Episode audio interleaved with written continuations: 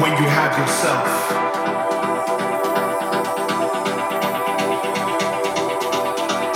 Master yourself. Be one with your conscience. Forgive yourself for the things that you have not done and the things that you have done. Lead yourself forward. Lunge into the abyss. Become the light, the guiding fixture on the wall and master what it is, how it is, when it is, when it has to be. You